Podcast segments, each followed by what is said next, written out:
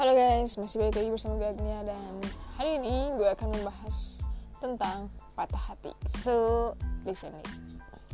Oke, mungkin ada orang yang dia sakit hati, gara-gara diputusin, gara-gara diabaikan dan juga lain-lain. Tapi pernah gak sih lu sendiri ngerasain patah hati? Ya, mungkin lu diputusin ya karena lu terlalu baik buat dia dan itu adalah kata-kata yang paling paling paling paling sering gue denger dari temen-temen gue kenapa lu putus? Karena katanya gue terlalu baik buat dia. Yaudah lu jahat aja sama dia sekalian. Biar nanti kalau lu udah jahat Apa kamu sih? terlalu jahat buat aku. Apa sih? Oke guys.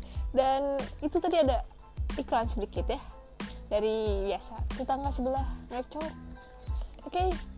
Dan juga bagaimana cara untuk mengantisipasi rasa patah hati? Sudah kalian patah hati itu oke yang pertama kalian analisa. Mungkin emang benar sih lo terlalu baik buat dia ataupun apalah. Kedua lu terimain aja lah.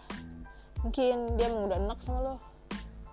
Yang ketiga ya cari lagi bro. Hidup ini hidup ini itu nggak cuma di lingkaran itu doang bro. Lo harus keluar menyelam dari zona nyaman lo dan lo akan melihat bagaimana orang-orang itu ternyata gede ya dunia ini.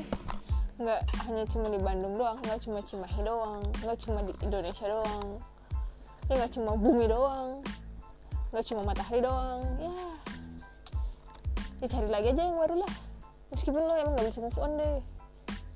Ya mungkin itu aja sih dari gue ya. Cukup sekian dan terima kasih oke. So dengerin lagi podcast gue selanjutnya yang gak beranfaedah ini. Bye bye